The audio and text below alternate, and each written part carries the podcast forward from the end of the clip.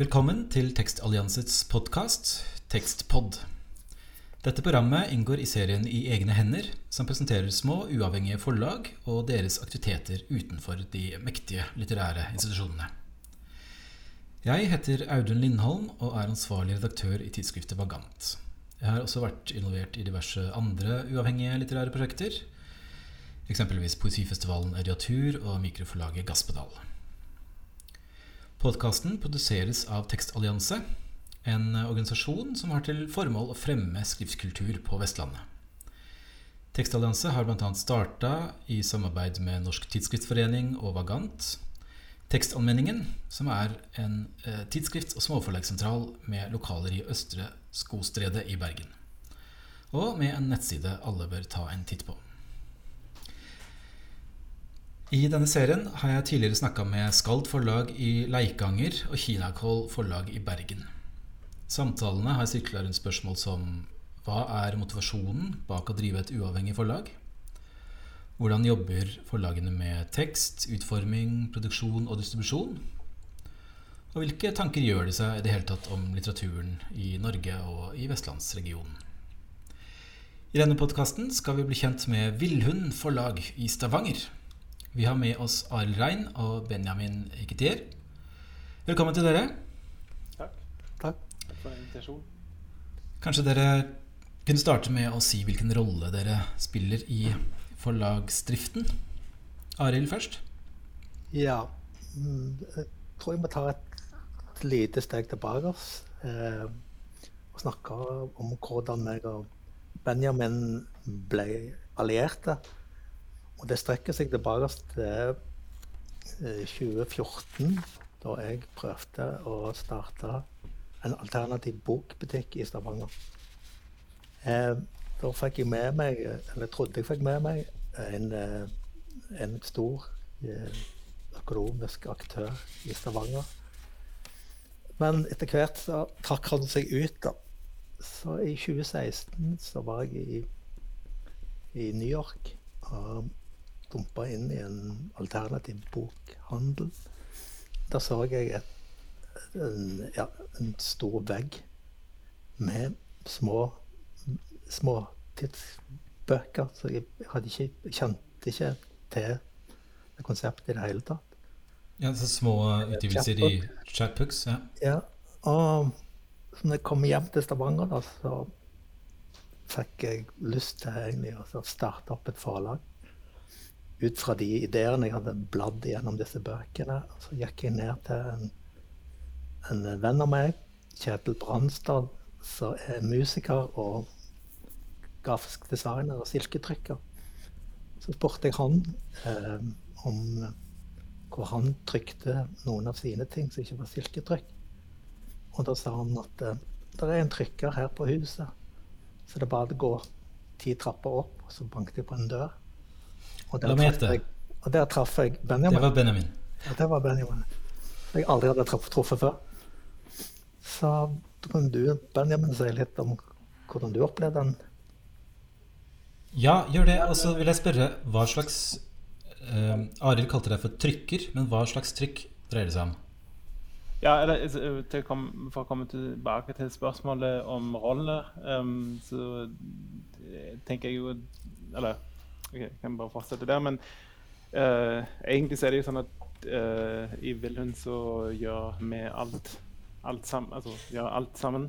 Um, alt som må gjøres, i hvert fall uh, vi to. Og så er det jo noen flere som, som, har andre roller som vi kan gå inn på etterpå. Men um, når det gjelder trykking, eller hvilken type trykking, så er det jo det som jeg driver med ved siden av å være grafisk designer og drive med bl.a. byutvikling nedenfra osv. Um, så holder jeg på med risografi, som er en trykkteknikk som er en slags maskinell silketrykk. Altså en maskin som ser ut som en kopimaskin, egentlig. Uh, som trykker én farge om gangen, og fargene kan byttes ut. Og det ligner på silketrykk i uh, sånn Ja. Uh, I finish og Ja, akkurat. Um, men ja. Det, altså, og, uh, Brukes risografi i alle villhundsutgivelser? Ja, det som er Altså uh, Innsidene er uh, Altså innmaten i Willund-bøkene er trykt um, med risografi. Og uh, omslagene, i hvert fall til de hovedbøkene, det må man jo egentlig forklare òg. at vi har en hovedserie og en mindre serie, men det kan vi jo gå inn på seinere. Mm. I hvert fall omslagene til hovedbøkene er silketrykt og har en sånn stensil sprayet uh, illustrasjon eller logo på. Og den logoen er hodet til en villhund? Surprise. ja. Uh, men altså eller, Om rollene um, Tilbake til rollene. Uh, hvilken rolle har vi egentlig? hvordan, velger dere frem tek hvordan velger dere tekster, f.eks.? Det er jeg som har kommet med de forslagene. Og det bunner i at det, det, er en del av den måte, kanonen min. De forfatterne som jeg har latt meg inspirere av. Eh, så har jeg funnet fram til små stykker som passer, eller kortformatsting som passer i Villund-formatet av de forskjellige forfatterne. Kan du nevne et par-tre av dem?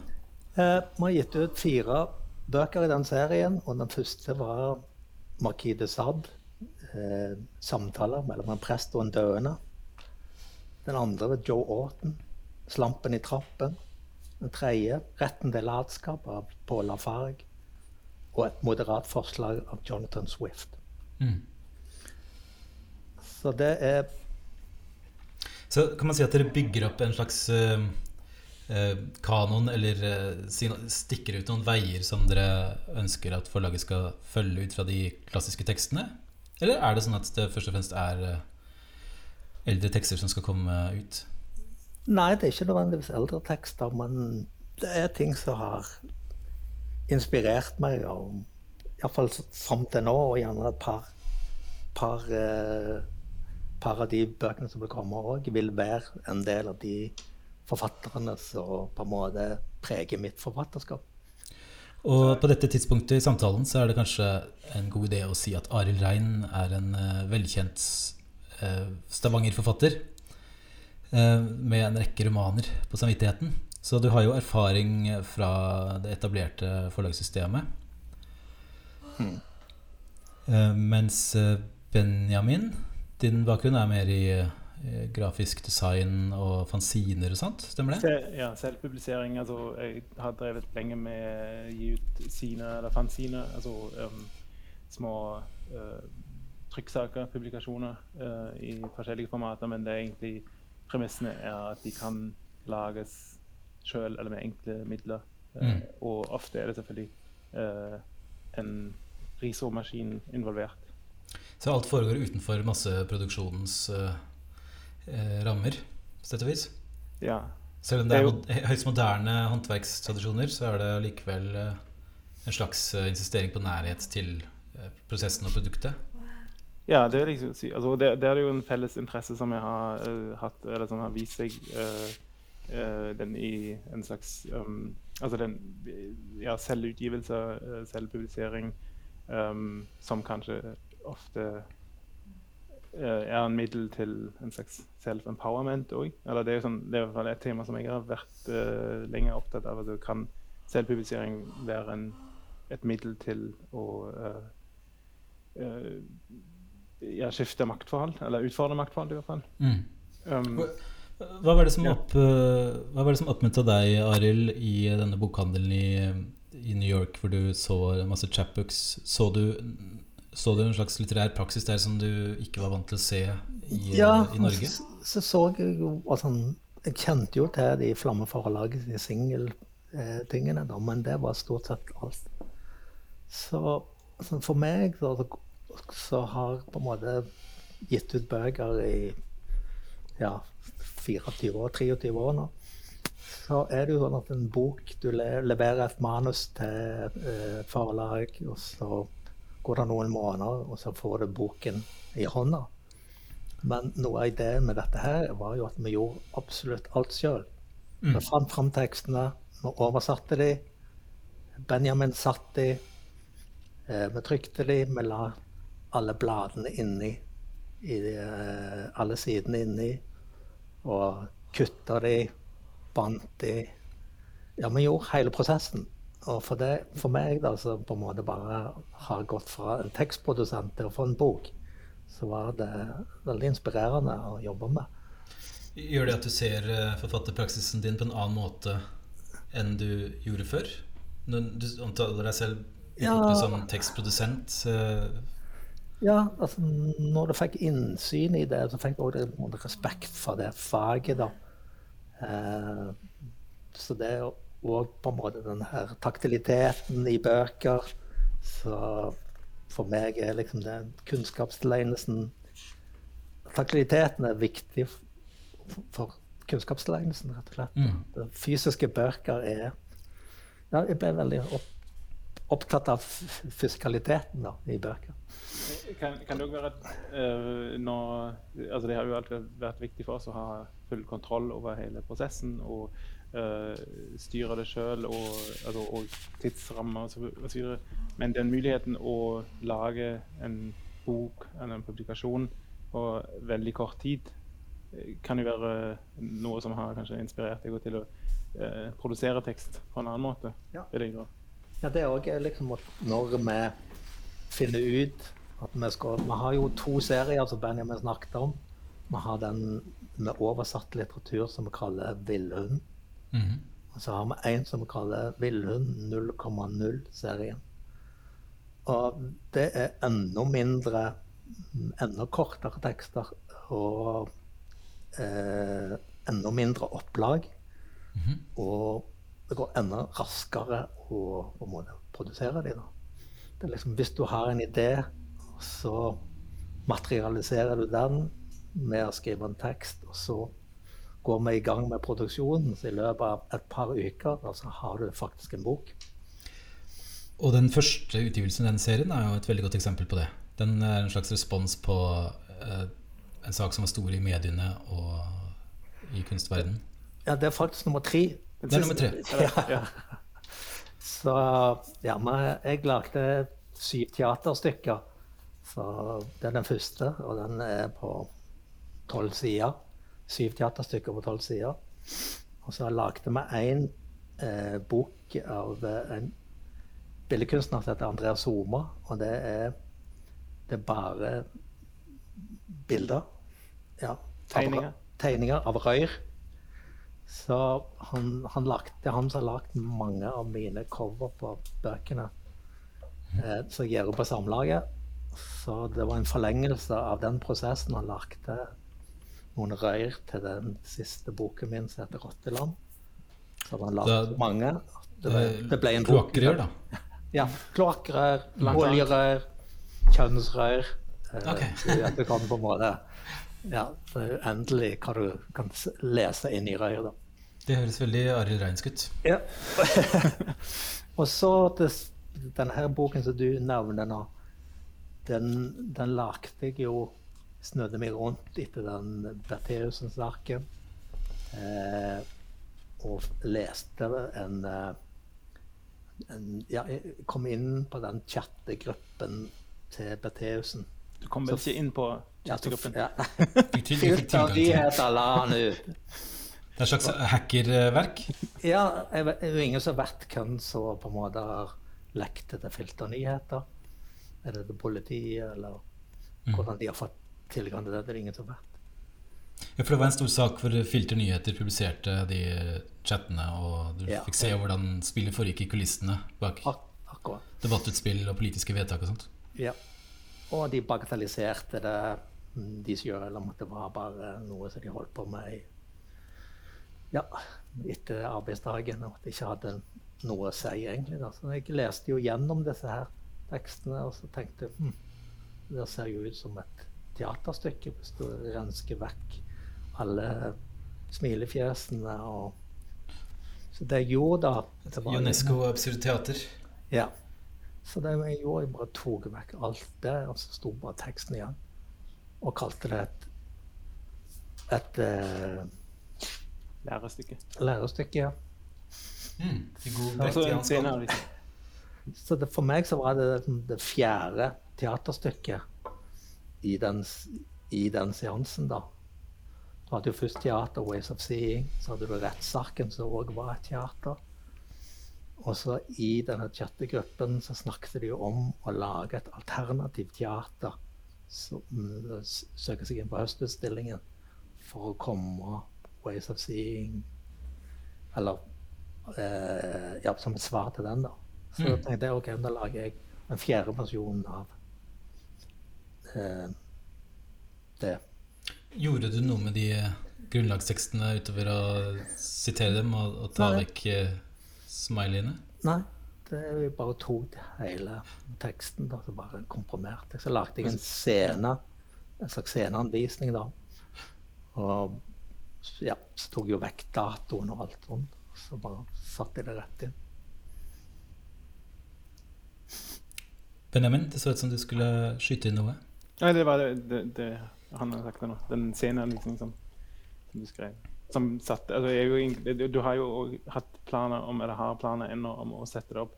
En, er det noe som vi ikke skal si, snakke om? Ja, har jeg fått noen til å se på det. da. Men det viser jo noe Det er et godt eksempel på hvor lite som noen ganger skal til for å gjøre allerede eksisterende tekst til litteratur. Man forandrer innpakk, man setter det inn i en hvit kube eller en, eh, en chapbook-sammenheng. Og så står det der og lyser av noe helt annet enn det det gjorde i sin opprinnelige sammenheng? Ja. Så er det jo liksom Du tar det ut av den flommen som er på nett, mm. og på en måte lokker det inn i en bok. Eh, ja. Og da, da, får det en helt annen betydning. For, du sa at denne serien kommer i litt mindre opplag enn uh, hovedserien med klassikere. Uh, ja. Hva vil det si? Hvor mange eksemplarer er det sammen? Uh, vi gir den som vi kaller 0,00-serien, den gir vi bare ut i 30 eksemplarer. Ah. Men uh, vi har gitt ut to opplag, da. Så det er egentlig 60. Det var tre, tre opplag av den siste? Ja, en tre, ja. Okay. De to første er to. Så det, så det, er 60 og 90 av dem. Ja. Og på de hoved, den hovedserien er det 100 stykk. Eh, et opplag på 100 stykk. Og alle er jo nummerert. Um, og der, um, mm. På hovedserien har vi egentlig òg blitt enige om at vi ikke skal lage nye opplag. Ja. Selv om alle er jo vel utsolgt.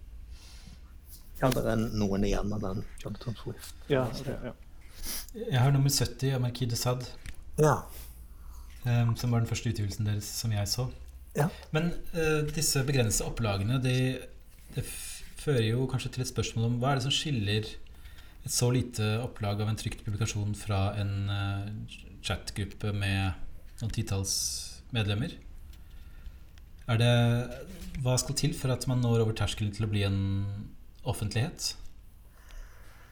Nå har jo disse bøkene blitt eh, til, til alle, eller tre av de fire mm, i den hovedserien har jo blitt anmeldt på NRK på verdibørsen. Så vi distribuerer de òg i ja, Oslo, på Tronsmo, Audiatur i mars. Så jeg har jo sendt bøker rundt til Tyskland, Finland, Sverige, Danmark og rundt forbi og i hele Norge. Mm. Det er jo fremdeles en veldig begrenset offentlighet, eller det er en offentlighet. Uh, så det um vi har jo egentlig ikke altså, Hvis vi ville gått ut i den store offentligheten, så hadde vi gjort det på en annen måte. Eller ja. ikke gjort det i det hele tatt. Unnskyld, er det? Ja, så er det jo òg liksom produksjonsmåten, da. Eh, det er ganske krevende å lage 100 bøker. Og du står og bretter og kapper og Så du må jo, når du har gjort 100, så må du gjøre den prosessen en gang til. For det er jo helt Det er jo håndverk. Mm. Det er ikke industri. Ja, ligger det en slags eh, kritikk av hvordan den norske eh, litterære institusjonen ellers fungerer her? I det at den franske som et så velsmurt maskineri eh, Og så har man gitte måter å produsere og distribuere bøker på. Og så glemmer man nærmest hvilke former det skjer innenfor, fordi det alltid skjer på samme måte. Er det noe dere har ønska å få til å lugge litt? altså, det er vel en eh, ja, en annen måte å distribuere litteratur enn via paller. Mm. Så Og det opplaget dere har på 100X, hvis det faktisk når fram til 100 reelle lesere, så det er jo slett ikke alle nye norske skjønnlitterære utgivelser fra de store forlagene som når det, de sakstallene. nei, det er nettopp det. Det, det bare virker som om de har like stor, eh, et like stort nedslagsfelt fordi de ser ut som alle andre bøker, som man regner med at Oi, da må jo denne befinne seg overalt, eller eh. Mm. Og da er det kanskje greit å stoppe litt opp og se om det går an å gjøre det på en helt annen måte i stedet? Ja, det var liksom ideen vår at eh, ja, vi tar hele kontrollen over eh, produksjon. eh, Alt fra produksjon til distribusjon. Mm. Så hvis folk eh, Hver gang vi gir ut eh, en, nytt, en ny bok, så har vi en eller annen, et eller annet arrangement da, knyttet opp til det. Ja, ofte konsert. Det er det. Men det er, jo- altså, ikke nødvendigvis en kritikk, tenker jeg. Eller man kan selvfølgelig tolke det som kritikk, men det er jo mer sånn Vi vil gjøre det på den måten, og det er det som er- ligger innenfor våre uh, muligheter. Og um, derfor gjør vi det på den måten. Altså, det er ikke, det er, ikke det, det er klart at det, dette kan ikke være et alternativ modell for den norske litteratur, den norske Mm. litteraturbransjen. Det går ikke an å tjene penger på dette. her. Nei, det var, var vi klar over. Det koster jo 150 kroner, den, den boken der. Sånn. Så folk kan jo bare regne seg ut på hvor mange tusenlapper det blir. Men vi har i hvert fall ikke tapt penger heller. Det, det var jo målet. Eh, Men du Benjamin, du har jo en bakgrunn i andre typer fanziner. Og i en del andre kulturfelt så er det jo mye vanligere med selvutgivelser og med sånn amatørnettverk og sånt noe. Ja. Mens, mens litteraturen i Norge er eh, underlig eh, satt og institusjonalisert. Så kanskje er det ikke for deg en kritikk i denne måten å gjøre det på, siden du er så vant til at det gjøres sånn innenfor tegneserier eller eh, andre typer fanziner?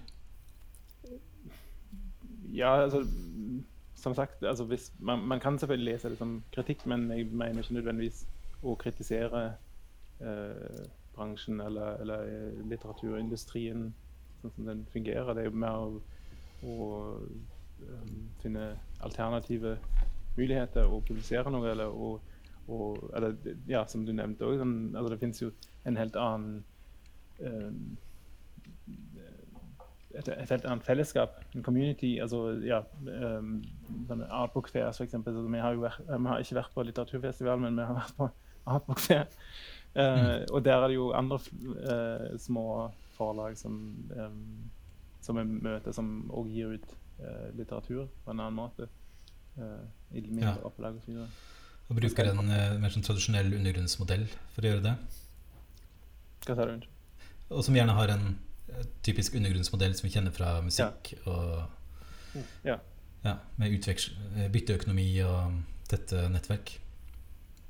Ja, det er jo, altså det er jo en slags uh, forlengelse av uh, en punktradisjon med selvutgivelse og eh, eh, ja, gjøre det med de midlene og måtene man har eh, kontroll over sjøl, og ikke gjøre seg avhengig av andre. Eller, Ja, Det var jo det jeg erfarte når jeg skulle prøve å etablere den bokhandelen. At det, var løfter og masse penger, men eh, når det kom et stykke der, så da måtte du bare gjøre det sjøl. Eh, Hvis man har lest eh, en eller flere av dine romaner, Arild, så Ja. kommer det kanskje ikke som en overraskelse at du ser verdien i å gjøre noe ute i marginalene eller utenfor det store, homogene fellesskapet. Nei, jeg føler jo at det er en forlengelse på en måte av forfatterskapet mitt. da. Eh, og ja, at det er et eh, community, som eh, Benjamin sier. At du, du, er, du jobber i et ensemble. Og når du er på en måte forfatter, så er du jo helt alene som regel. Vil det gå så langt som å si at dere er med i en subkultur eller motkultur? Eller er, det, eller er skalaen altfor liten til det? At det mer er møter med enkeltmennesker? er, det en, er det en bevegelse der ute som bare venter på å bryte gjennom? Nei, men Jeg tror ikke vi kommer til å øke volumet til 500. eller altså, Det er den i og med at det, det er jo det, det er på en måte et kjærlighetsprodukt òg. Det er et mm. overskuddsting som vi gjør uten å tjene penger. og Derfor tar det gjerne litt lengre tid å få de ut. For alle har andre ting som de tjener penger på, de må gjøre først. Ja.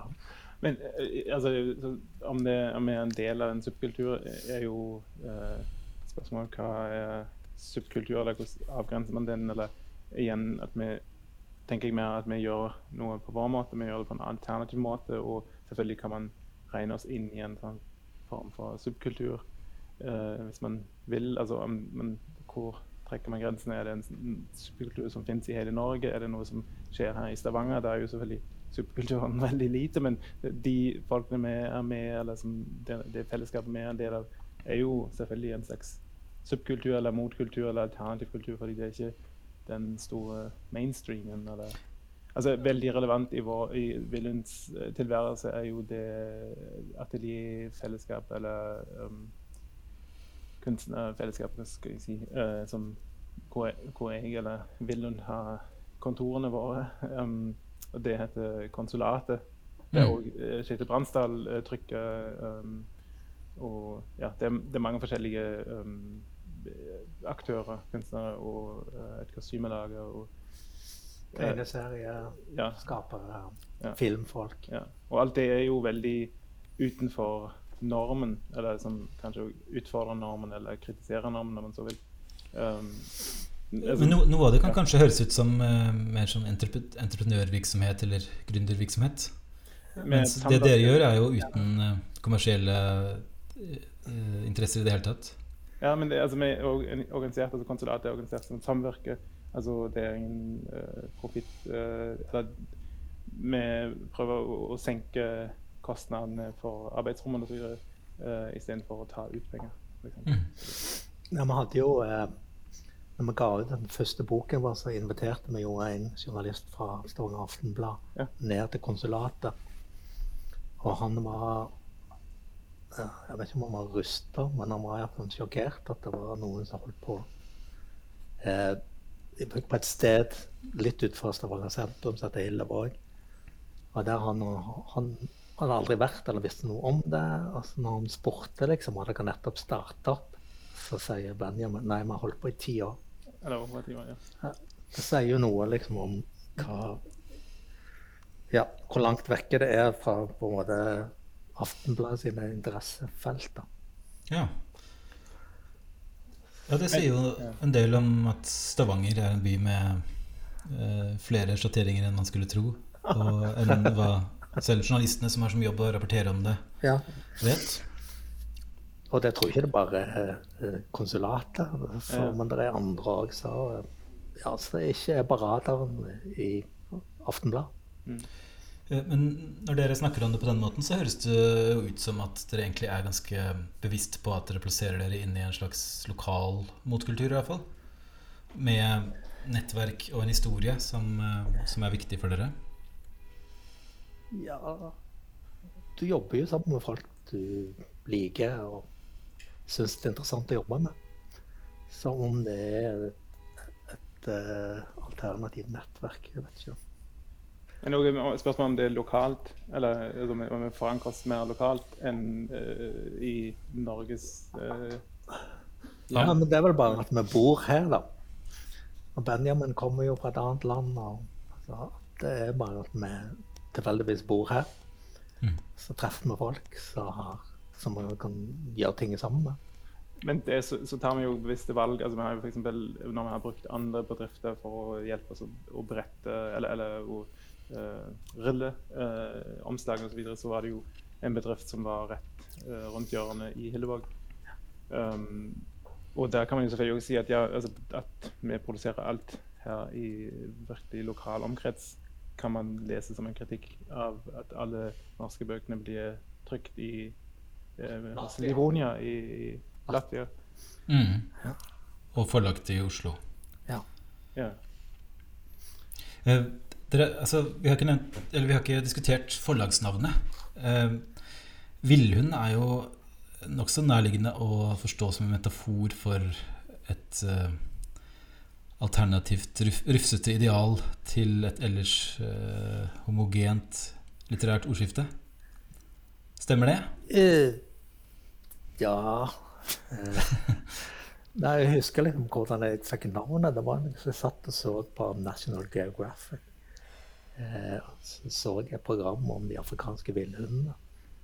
Eh, og hvordan de da liksom tok en, en hyene og isolerte han og drepte den og spiste og fortærte den. Eh, og for meg så var det jo sånn hm, Det var et flokkdyr. Eh, de er utdøende. Eh, ja, sånn er det gjerne med papirboken òg, liksom, det vi holder på med. Med en liten flokk. Men vi kan bite fra oss. Men vi er gjerne òg utrydningstrua. Så det var eh, Etter å ha sett den, tenkte jeg yes, der har du navnet. Mm. De historiske tekstene dere har oversatt, er jo også typisk eh, Eller de er nettopp ikke typiske. De er eh, en slags avvikende representanter for eh, nokså ytterliggående forfatterskap. Um, Marquis Saad og Graham Swift. Um, kan man si at de også framviser et slags alternativ til en mer um, spiselig eller borgerlig kanon?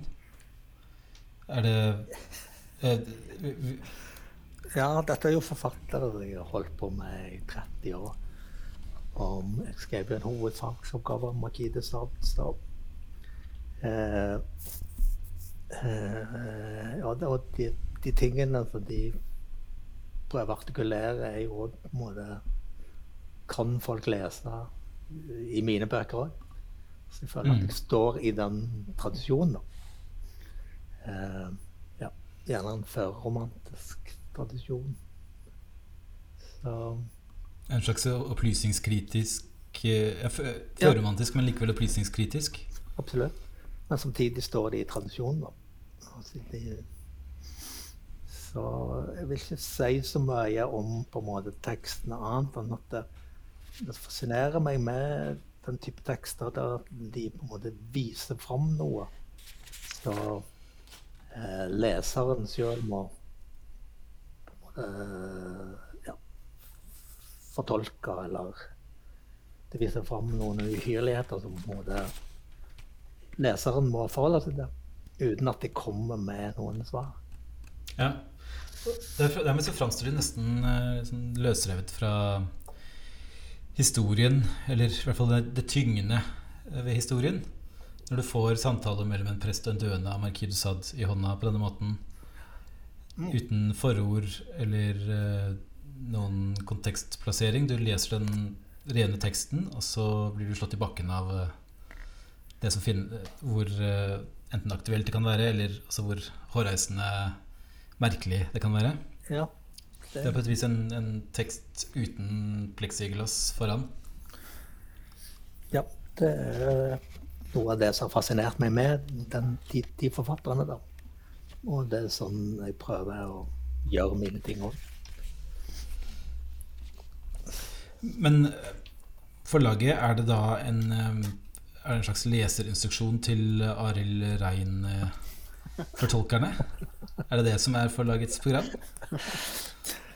Eh, altså, jeg, altså, nå er vi jo bare så vidt i gang, da, så jeg håper ikke at liksom, det bare blir det. Da. Men jeg ser jo det at jeg har oversatt mine ting som har påvirka meg sterkt.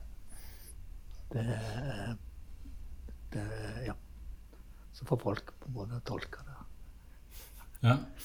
ja man aner en sånn slags eh, sort uh, opplysningskritisk tradisjon med fra The Sud til Bataille og Ja, eller Swift er vel altså uh, Breton skrev jo en, en bok om den svarte humorens Ja, om svart humor, da.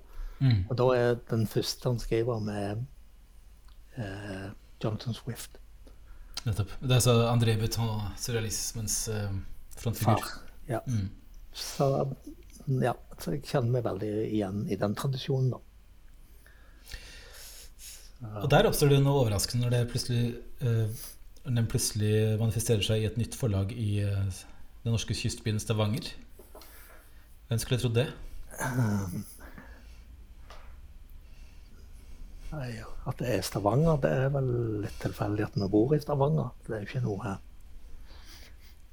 Det har ikke noe med geografien å gjøre, tror jeg. Eller så kan vi spørre hvorfor ikke i Stavanger? Ja. Ja, men Det sier kanskje litt om hvordan eh, sånn litterære valgselskaper Ja. kan eh, oppstå og blusse opp på de underligste steder. Plutselig blir en forfatter, en død forfatter veldig viktig i et uh, samfunn et helt annet sted på kloden. Ja, det kan dukke opp hvor som helst. Liksom, er, det, er det jordsmonn til stede, så er det mulig. Det har, nettopp. Eh, Det har vel nesten ikke vært gjort noen seriøse forsøk på å utgi Marquis de Sade på norsk etter altså Bjørneboe hadde hadde en oversettelse, Ja. og Spartacus eh, hadde en Ja. i en pornografiserie på 90-tallet. Nei, da, I forhold til Sverige og Danmark så har de jo gitt ut alle de store tingene, så vidt jeg vet. På, eh, ja, på både svensk og dansk. Mm.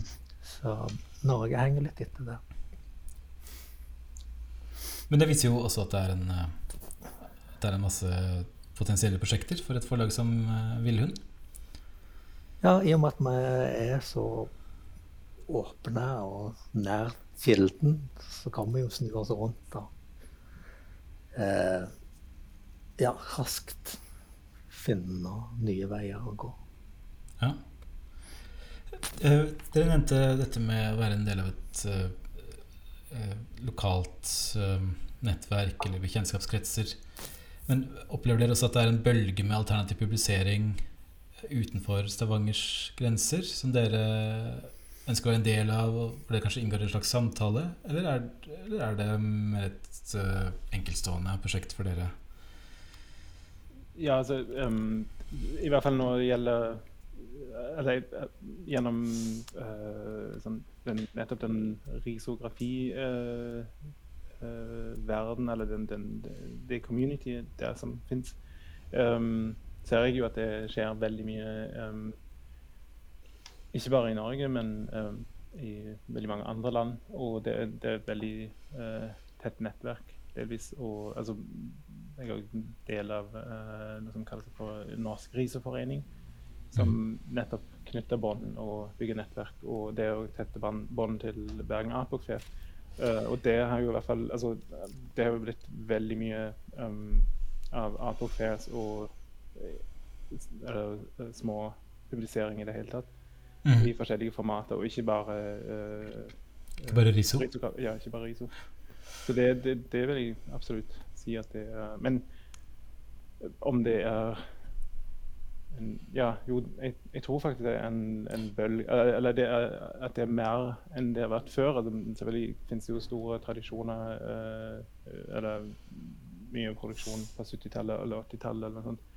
Uh, men det virker jo som det er en slags um, motbevegelse Mm. uh, mot at mye av um, produksjonen eller kommunikasjonen skjer i det digitale, f.eks. Eh, Men hvis det, hvis det finnes et nettverk av eh, alternative utgivere eh, også i Norge og Skandinavia, så kom kanskje det litt overraskende på deg, Arild Rein. Altså, du har jo vært aktiv forfatter i flere tiår, som Ja. jeg snakka om. Og Ja. plutselig eh, trer du inn i en slags eh, Ja, en helt annen økonomi. En ny verden. Har, vært, eh, har du opplevd det frigjørende? Absolutt. Eh, og ja, som jeg sa tidligere, liksom at vi kan på veldig kort tid snu oss rundt og, og produsere en bok. Eh, uten at det, det tar et halvt år eller et år før du eh, får den i, i, i hånda. Så, men òg hele den produksjonsprosessen har vært veldig inspirerende for meg.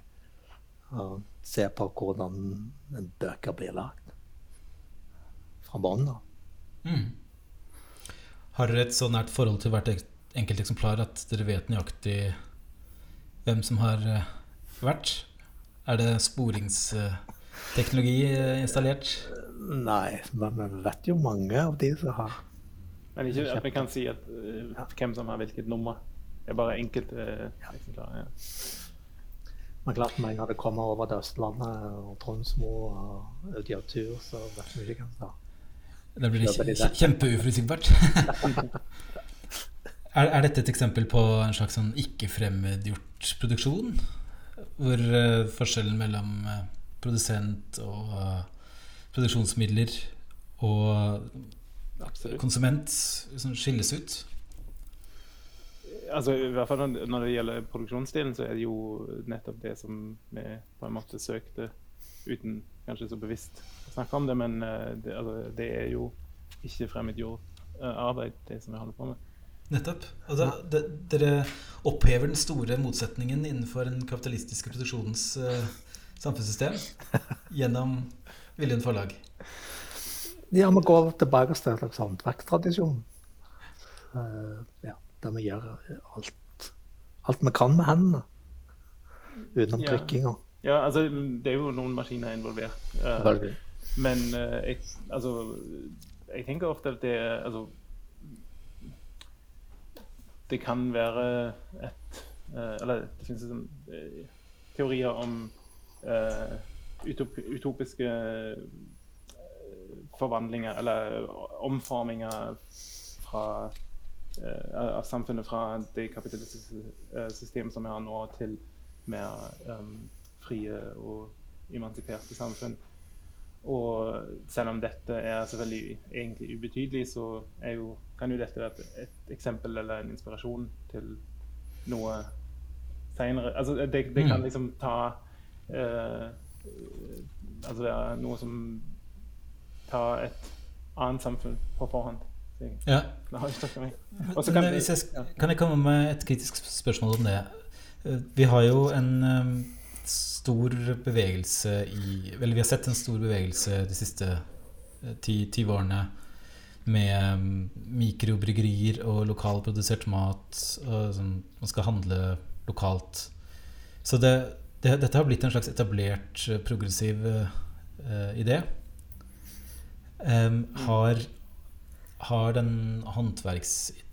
Um, idealiseringen av håndverket, eller vekten på håndverket, har den fortsatt den samme subversive uh, gnisten som du beskriver der, Benjamin? Eller står det litt fare for å forsvinne inn i en sånn forskjellsløs uh, uh, konsumsjon av unike produkter?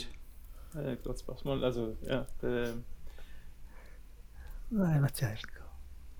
Altså, det, det er, Jeg vil jo absolutt si at det er noe annet enn et mikrobryggeri, men um, uh, om, det slags, om, det blir en slags fetisj å lage ting uh, mer eller mindre med hånd, eller utelukket med hånd.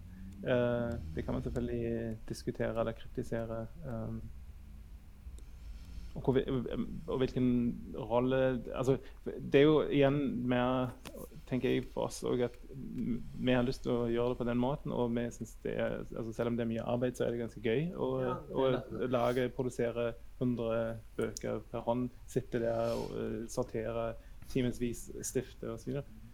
Uh, ja, jeg tenker ja. liksom det er gleden av å gjøre det. Så, ja, det er ja. min motivasjon. Det er en liten revolusjon i seg selv, den uh, ja, jeg gleden. Jeg, jeg, jeg, ja. ja, altså um, Men jeg, altså, det, det, er jo selvfølgelig bra med, med kritikk og det spørsmål om det og hva, hva, som skjer, egentlig. Men den der bevisstgjøringen av prosessen og det å oppleve det å være liksom, til stede Det er jo en slags mindful uh, aktivitet å lage bøker, om man så vil. Uh, ja, ikke om det, altså om det, om det om, altså Verden blir jo ikke bedre bare fordi vi uh, stifter bøker sjøl. men det gjør en betraktelig forskjell. Jeg skal si dere at Da jeg mottok uh, Marquis de Sade-utgivelsen her uh, i posten for min adresse i, i Berlin, så syns jeg det føltes som at det rista litt i grunnvollene ja. i bygården her. Ja, det var noe av, av motivasjonen var å gjøre de Bergen òg. At de Ja. De rista litt i folk. Ja, det er vel, det er vel noe i det at uh, en, enkeltmøter mellom tekst og leser også kan være veldig betydningsfulle. Ofte så ser man seg blind på ja. salgstall og offentlige debatter, men det er liksom litteraturen som eksistensiell skakning skjer jo på i et, sånt, et til-ett-møte. Ja, og at det kan skje i løpet av bare 15 sider, eller 20 sider. Det er jo òg noe som ligger innbakt i Wilhelm. Mm. Det er ikke på en måte Det er ikke samlinger vi snakker om, men det er liksom én en enkel tekst, og så står den alene. Og på en måte Jeg får lov til å være helt alene. Ikke en mm. del av en antologi eller mm. en samling. Og akkurat det, det, det, forholdet mellom teksten og leseren um, er jo noe som vi egentlig er ganske opptatt av. Eller sånn, du, som du òg refererer til de um, tekstene som er gitt ut, eller andre tekster i din kanon, så uh, handler det jo ofte om å, å, bygge en annen type forhold mellom tekst og leseren. Og da er jo igjen mm. det håndverksmessige, eller den produksjonsmetoden, um, en del av det tror vi. Eller? Altså at det, det er en tekst som er i en bok som du kan ta med deg i, lommen og lese på, på bussen. eller sånt, og, uh, altså Selvfølgelig det taktile, uh, haptiske Når du leser den, uh, er noe helt annet enn når du kjøper på ark eller Nordli enn ja, for ikke, for ikke, å snakke om de franske Pleiad-utgavene av Makidusad. Ja. Hvor uh, til tross for all hans undergravende uh, alt hans undergravende virke og fortsatt revolusjonære potensial, så skjer det noe med den Når noe innlemmes i høykulturen gjennom pompøse utgivelser, som dette framstår som en veldig forfriskende motvekt til. Mm. Hvis leserne, eller hvis lytterne, skulle, til, skulle, få lyst til å bli lesere og få tak i utgivelsen deres, hva gjør de da? Så, altså, Der må de jo bruke nettet. Altså, um, og, altså, men der må jo enten kanskje si det, Enten eller må de komme til oss personlig. Ja, det er enda bedre. Treffe oss på gata.